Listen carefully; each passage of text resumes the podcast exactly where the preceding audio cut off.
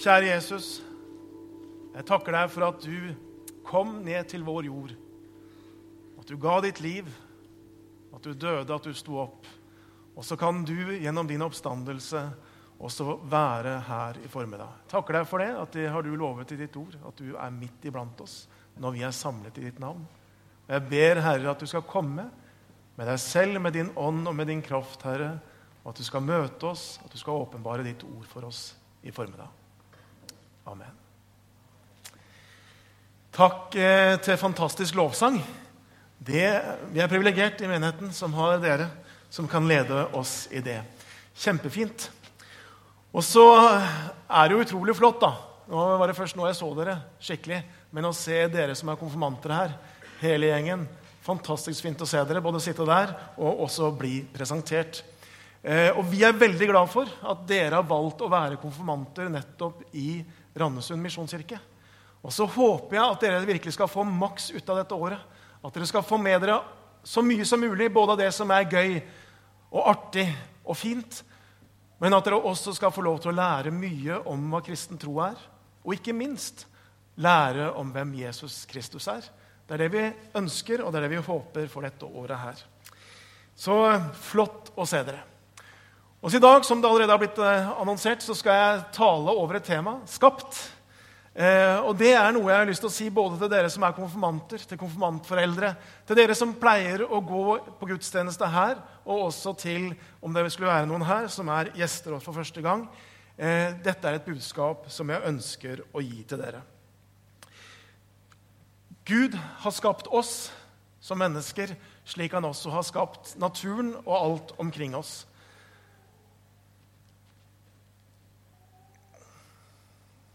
Der får vi opp jordkloden.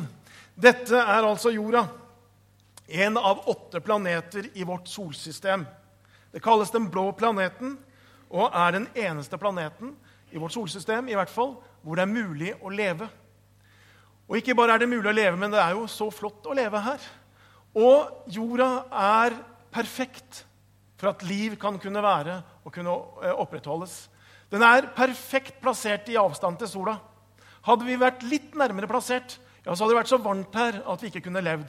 Hadde den vært litt lenger unna, så hadde det vært så kaldt at alt hadde vært en isørken, og vi kunne ikke levd der. Men akkurat der jorda er plassert i forhold til sola, så er det slike livsvilkår som vi opplever her. Dessuten så har den akkurat stor nok masse til at det er passe tyngdekraft, sånn at bl.a. lufta blir værende rundt jorda, og vi kan puste. Hadde det vært mindre, så hadde vi ikke hatt den atmosfæren. Og den har alle de grunnstoffer som vi trenger for liv, og for at vi kan leve. Tilfeldigheter er det noen som sier. Bibelen sier i begynnelsen skapte Gud himmelen og jorden. Det er én som står bak, én som er skaper. Vårt solsystem er en del av Melkeveien, en enorm galakse med millioner av stjerner. Og Samtidig så sier forskere at vår galakse bare er én av ti milliarder galakser. Det er en del stjerner på denne stjernehimmelen her. Men det sies, og de har regna på det, at det finnes flere stjerner i universet enn det finnes sandkorn på alle jordens strender. Og det er ganske mange. Men flere enn det finnes det altså stjerner. Bibelen sier følgende.: Min hånd har laget alt dette. Slik er alt blitt til, sier Herren. Det er ganske fantastisk. Det er til å ta pusten fra en. Og bare for å, en liten fun fact Vi har tid til det, har vi ikke det? Liten fun fact som jeg syns var litt artig. Dette her, det er en galakse som er synlig fra jorda, i hvert fall med en litt sånn stjernekikkert. Men man trenger ikke noe sånn voldsomt utstyr. Dette bildet er tatt av en amatørfotograf i Bodø i fjor. Det er 25 lysår unna. Og så er det jo sånne avstander som bare er svimle. Men lyset tar altså et sekund å komme fra månen og til oss. Men fra dette galaksen her så tar det altså 25 millioner år. Ja, Det sier noe om avstander i dette her. Og Så kalles denne galaksen for Weirpool-galaksen. Akkurat som vaskemaskina. Og du kan kanskje tenke deg hvorfor. Den ser litt sånn ut. Og når man zoomer inn på denne galaksen her, Eh, og Den er jo kjempefin, og den ligger perfekt plassert i forhold til jorda, med ansiktet mot jorda. Og Den kalles ofte for alle stjernekikkerters eh, kjæreste. Ja, De ser heller på den eller er sammen med kjæresten, tenker jeg. det må være derfor. Men hvis man zoomer inn i det der lyset i midten, så ser man at det er et sort hull. Og innerst i dette sorte hullet, hva er der? Jo, der har NASA tatt dette bildet. Ja. Og jeg tenkte, det er jo artig. Langt, langt, langt der ute så er det et kors. Og så skal vi ikke legge for mye vekt i det, men jeg syns det var en liten fun fact. Han her heter John Glenn. I en alder av 77 år så ble han verdens eldste astronaut. Han var med romferjen Discovery 1998 på STS-95 romferden. Han var for øvrig også den første amerikaneren som var i bane rundt jorda i 1962. Så han er både som ung og som gammel så har han vært astronaut. Og han sier følgende og jeg synes det var litt flott, Han sier å se ut av vinduet, som jeg gjorde den første dagen, å se det fantastiske skaperverket og ikke tro på Gud, er for meg fullstendig umulig. Det står en skaper bak. Og ikke bare er det planeter og stjerner som er skapt av Gud, men Bibelen sier også at vi, du og jeg som mennesker, vi er skapt. Det står at vi er skapt på skremmende underfullt vis, står det i Salme 139. Og Det er ganske fantastisk å tenke på kroppen vår og hvordan det henger sammen. I vår kropp så er det ca. 75 milliarder celler. Det er ganske mye. Tenk, Alt starta med én celle. Men i en voksen kropp så er det 75 milliarder celler. Og inni hver eneste en av disse cellene så finnes det den DNA-koden. Det finnes en kode som er skrevet inn, og som forteller alt om på en måte arvestoffet vår og hvordan vi skal utvikle oss. Utrolig spennende. Inni en liten celle så er det 1,8 meter DNA-streng som har enormt mye informasjon. Det sies at det er informasjon tilsvarende 300 bøker med 500 sider hver. Altså et helt bibliotek finnes inne i dette DNA-et. Og så er jo spørsmålet hvem er det som har skrevet denne koden inn i cellene våre? Hvem er det som har skrevet det? En av verdens ledende forskere han heter Philly Collins. og Han kaller denne koden DNA-kode, han kaller det Guds språk. Han sier følgende Bibelens Gud er også arvestoffets Gud. Gud kan finnes i kirken eller i laboratoriet. Ved å undersøke Guds majestetiske og fantastiske skapelse kan vitenskapen ære Gud, sier han. Jeg syns det er flott av en som altså er verdens ledende genforsker. Guds språk, kaller han det. Og Når jeg leser om Guds fantastiske skapelse, så tar det pusten fra meg. Og jeg tenker, Det å tro at alt er tilfeldig, at det ikke finnes noen skaper bak skaperverket, det er for meg umulig. Og så er det flott, også når vitenskapen altså er med og bekrefter noe av dette, at det er en skaper bak det. I dag så har jeg lyst til å dele med dere et bibelvers fra Bibelen som er et av mine store favorittvers, og som jeg stadig kommer tilbake til, og som jeg stadig siterer, og som jeg på en måte grunner på for min egen del. Det er et av de bibelversene som jeg virkelig på en måte bygger livet mitt på. Og hva er det? Jo, det står i Efeserbrevet 2,10 følgende.: For vi er Hans verk skapt i Kristus Jesus til gode gjerninger, som Gud på forhånd har lagt ferdig for at vi skulle vandre inn i dem. Vi er Hans verk, skapt til gode gjerninger, står det her. Og Jeg har lyst til å peke på tre ting. At vi er skapt av Gud. Det er det første. At vi er skapt et, til å leve etter Hans gode vilje, gode gjerninger. Og at vi er skapt til å leve i kontakt, i relasjon med Gud. Det er de tre tingene jeg har lyst til å peke på. Det første vi er skapt av Gud. Her står det at vi er Hans verk. Og Dette ordet 'verk' er egentlig et sånn fantastisk flott ord. Det betyr kunstverk eller dikt eller, eller en, en, ja, en novelle. Det betyr altså et kunstverk. Og tenk bare på det, la det synke inn, at vi er hans enestående kunstverk. Vi er et unikt stykke håndarbeid fra Guds hånd. Vi er diktet, vi er historien som han skriver. Vi er ikke tilfeldige. Vi er resultat av en villet skapelse. Han har formet hvert eneste menneske. Vi er unike, og vi er spesielle. Så verken du eller jeg er et random resultat av blind utvikling, men vi er også skapt av Gud. Og Bibelen sier at vi er skapt i Guds bilde.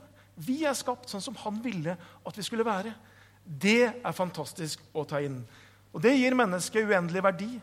Det betyr at hvert menneske er uendelig betydningsfullt. Det gjør at du, om du sitter her og kjenner at det er, ikke alltid jeg får til det jeg skulle ønske, ja, det er ikke det som gir ditt liv verdi. Men ditt liv har verdi fordi du er skapt av Gud.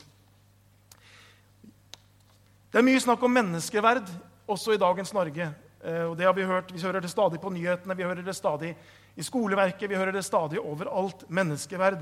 Og vi tenker kanskje at det er selvsagt at alle mennesker er like mye verdt. Vi er enige i det her, er vi ikke det? Ja. Vi tenker at det er selvsagt. Selvfølgelig er det sånn. Men det har aldri vært selvsagt det i verdens historie. Og det er ikke selvsagt heller i dag i veldig mange deler av verden. F.eks. India, hvor kastesystemet lever i beste velgående, selv om det offisielt på en måte ble avskaffet på 1950-tallet, så lever det fortsatt i beste velgående. Og de som er lavkaster i India, de som er kasteløse, de blir satt til de verste jobbene, og de får ikke de samme mulighetene som andre mennesker. Jeg leste en artikkel i Aftenposten som, hvor det står følgende De eh, urørbare, eller kasteløse, var og er en særlig gruppe som utfører det skitneste arbeidet i samfunnet. De kan bli behandla stygt, bli sett ned på, mange er fattige. De bor i egne bydeler eller landsbyer. Selv kaller de seg dalitter, de undertrykte. Og Slik har det også vært i vårt eget Europa. Aristoteles, som levde for 2400 år siden omtrent, og som preget den europeiske kulturen og på mange måter preger den fortsatt, han tenkte aldri at alle mennesker var like. Han sier tvert imot noen er skapt til å være slaver, noen er skapt til å være herrefolk. Det er den naturlige orden. Og Ut fra en sånn tankegang er det at man får apartheid, Hitlers Tyskland osv. Fordi man tenker at det er noen som ikke er verdt så mye, og de kan vi undertrykke. Og I det førkristne Rom, før kirken og kristendommen fikk fotfeste, så var det sånn at nyfødte barn de fikk ikke navn for det hadde gått åtte dager. Og I løpet av denne perioden på åtte dager var det far i huset som kunne bestemme om det barnet skulle leve opp eller ikke. Da var han fri til det, og det var ingen som klandra ham om han tok livet av det barnet før det var åtte dager. Og så sa romersk lov at dersom det var et barn som var født med et handikap, ja, da skulle det bli tatt livet av. Slik var det i det førkristne Rom. Og Slik var det på mange måter også i det førkristne Norge. I vikingtiden så satte man barn på skogen som var uønska eller som hadde et handikap. Slik var det der. Artikkel nummer én i FNs menneskerettigheter sier, eller starter sånn alle mennesker er født frie og med samme menneskeverd og menneskerettigheter. Og Så tar vi det som en selvfølge, men det har aldri vært en selvfølge. Og det er egentlig ikke det i verden i dag heller. Hva var det som gjorde at det endret seg? Jo, det var når Europa og Norge og Kirken fikk mer, om, på en måte mer eh, påvirka kulturen, og man kommuniserte et budskap av en som sa La de små barn komme til meg. Jesus ga mennesket en verdi på en helt ny måte, som preget vår kultur, og som preger den fortsatt. Bibelens perspektiv på verden og på livet det gir mennesket verdi. Og så betyr jo Det at det, er ikke bare andre som har verdi, men det gjør også noe med hvordan jeg ser på meg sjøl. Det betyr at når jeg er skapt av Gud, så har mitt liv verdi ikke for hva jeg gjør, men for den jeg er. Slik, er, slik du er skapt, med evner, talenter, egenskaper, sterke sider eller hva det er, slik er det Gud har skapt deg. Det gir livet verdi. Her er det et bilde av en konfirmant. Det er helt greit å le. Det var et bilde jeg ikke var veldig godt fornøyd med. husker jeg. Det ble liggende i en skuff eh, til jeg fant det her. Så tenkte jeg det kan jeg ta opp. Det er jo en ubarmhjertig tid, egentlig. Og så er det da man skal ta alle disse bildene. Det er jo litt plagsomt. Men det er sikkert flere enn meg som liksom har hatt faser og perioder i livet hvor du skulle liksom ønske at du var annerledes. At du skulle ønske at du var mer som han eller mer som henne. At, var, at du var flinkere, at du var dyktigere, at du var høyere, tynnere eller kraftigere, eller hva det nå er. At man skulle ønske at man var annerledes. Og det er jo sånn det er. Og så sammenligner vi oss med hverandre. Og så blir vi stressa når vi legger ut en status, og så er det nesten ingen som liker den. Eller et profilbilde som Jeg vet ikke hvor mange likes jeg hadde fått på det. men ikke sant? Da blir vi stressa. Fordi vi tenker at da har ikke mitt liv noe verdi. Og så er Bibelens budskap følgende at jo, vi har verdi. Ikke fordi vi er mer eller mindre heldige med et bilde, ikke fordi vi får til ting, men vi er, har verdi fordi vi er skapt av Gud. Og jeg tenker Det er det beste stedet å kunne lande sitt liv. At jeg har verdi. Jeg er viktig. Jeg er verdifull fordi jeg er skapt av Gud.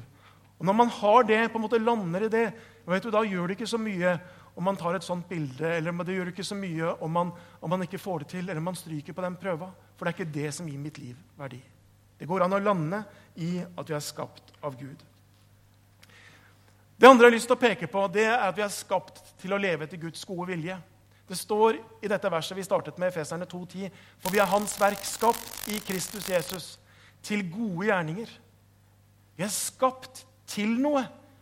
Sånn som alle andre på en måte skapninger er skapt til noe. En fugl er skapt til å fly, en fisk er skapt til å være i havet. Dette er vår hensikt. Vi er skapt til å leve et liv i gode gjerninger.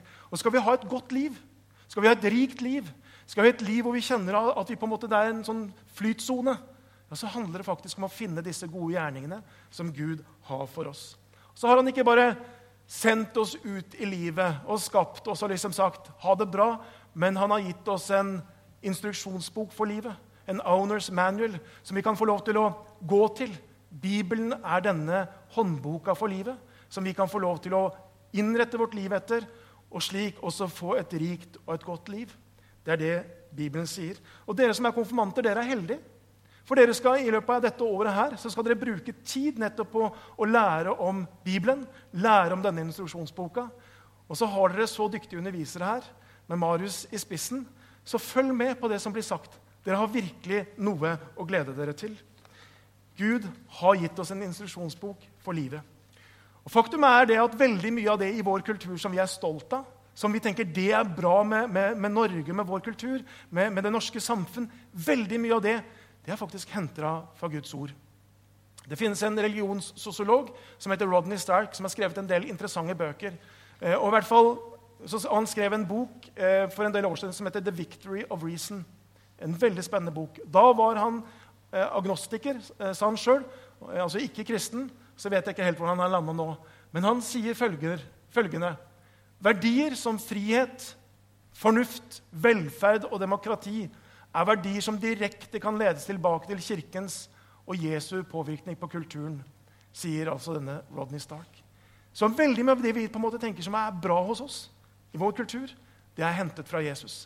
Og skal vi fortsatt ha et godt samfunn, skal vi fortsatt ha et samfunn som utvikler seg på en god måte, så handler ikke det om å ta steg bort fra Guds ord, men handler om å gå til Guds ord. For der finnes noe av denne veiledningen som vi snakker om her. Hva er det som gjør deg lykkelig? Hva tenker du liksom skal til for at du blir lykkelig?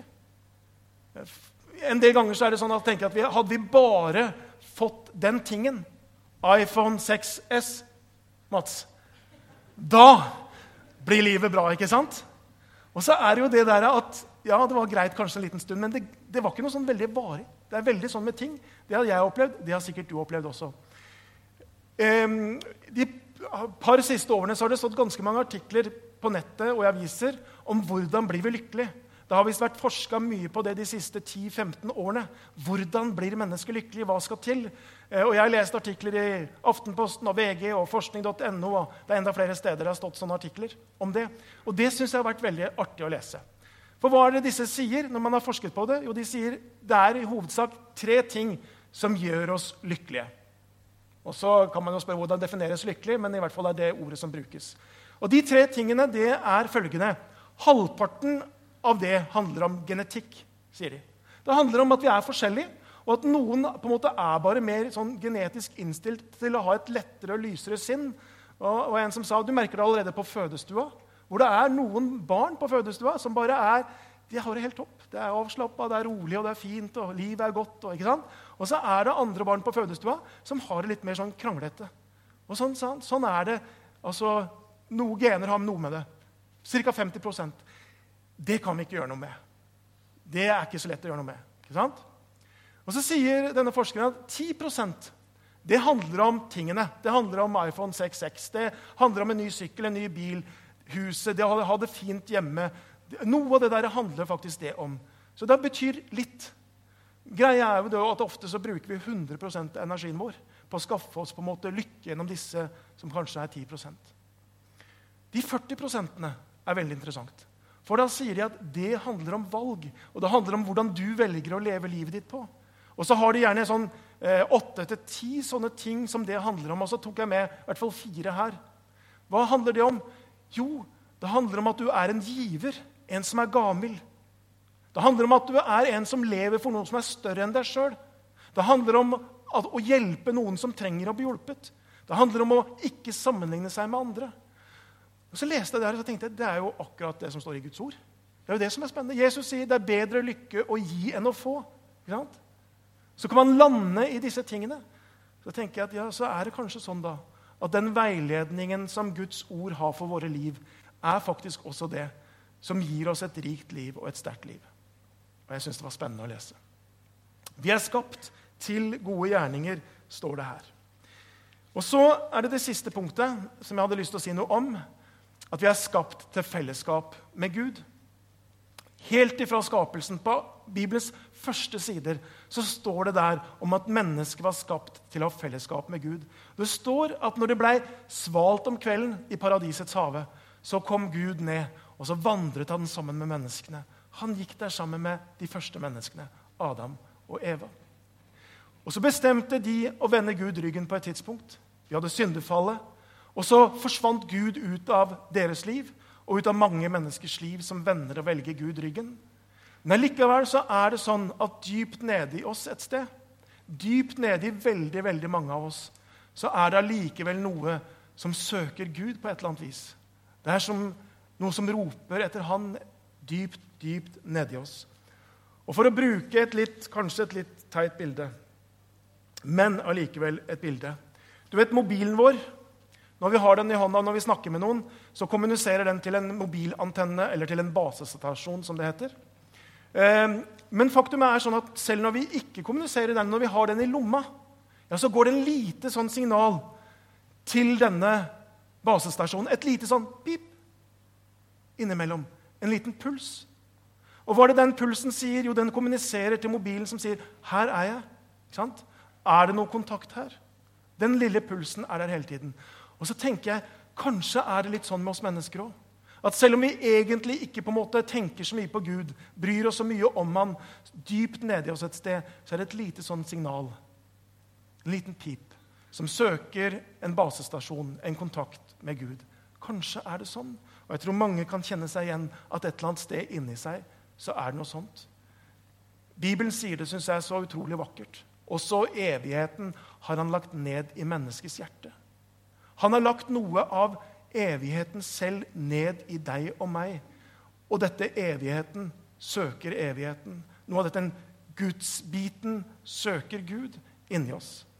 Ja, Kirkefader Augustin han sa det slik.: Våre hjerter er urolige til de finner sin hvile i Gud. Det finnes en uro.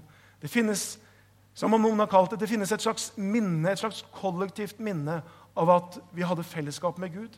Det finnes som om det er et ekko inni oss.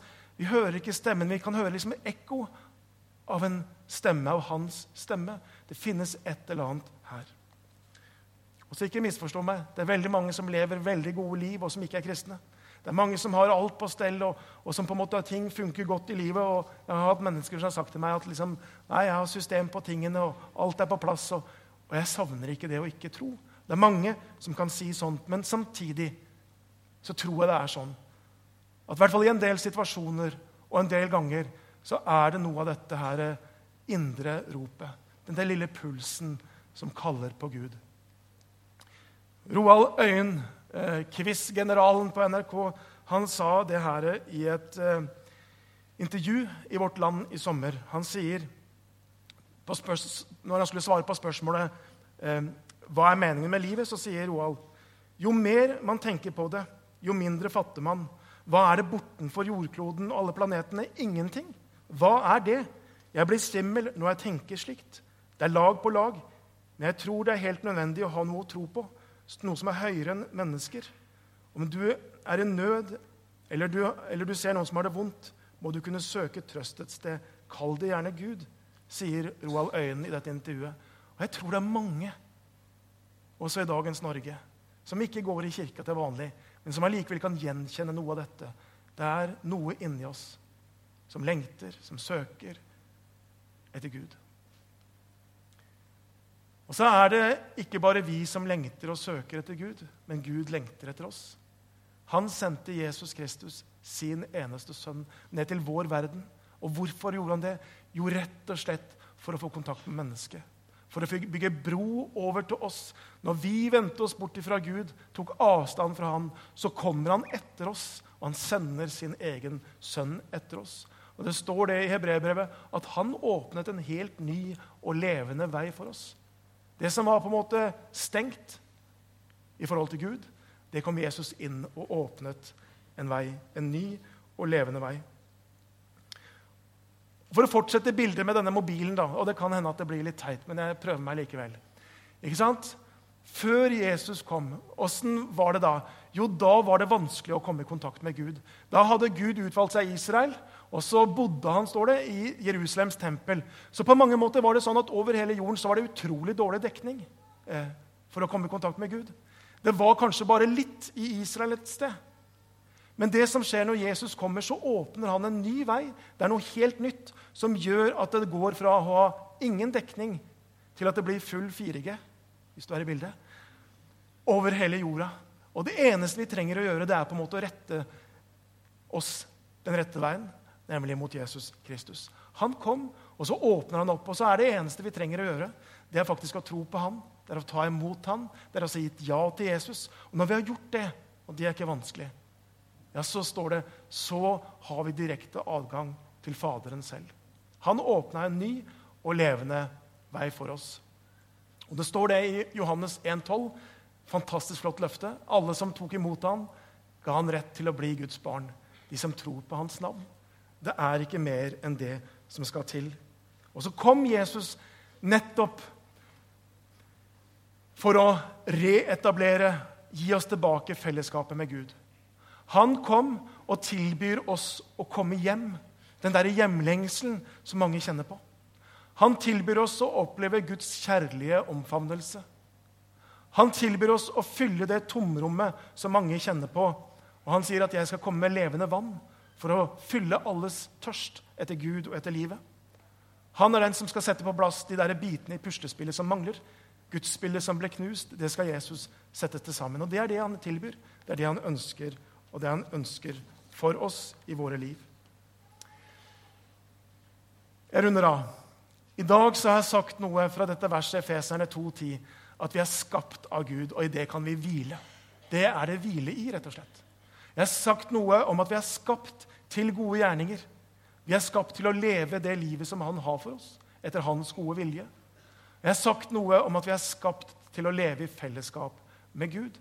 Og det er det jeg har lyst å understreke i dag. Så uansett hvem du er, uansett hvordan din historie er, så har jeg bare lyst til å oppmuntre deg til å ta imot den elven av nåde og kjærlighet som flyter ut ifra Jesus Kristus, som flyter ut ifra korset, til å ta imot den hånden som Jesus strekker ut mot deg. Amen. Skal vi be. Kjære himmelske Far. Jeg har lyst til å takke deg for at du sendte Jesus. Og så skjønner vi ikke kanskje alt, men vi skjønner dette. At når vi tar imot Jesus, når vi tror på deg, ja, så kan vi ha direkte kontakt med deg, Gud. Og det takker jeg deg for. Jeg har lyst til å be for alle oss som er her. Du kjenner den enkelte. Du kjenner den enkeltes indre, den enkeltes hjerte. Jeg ber at du skal tale, og fortsette å tale.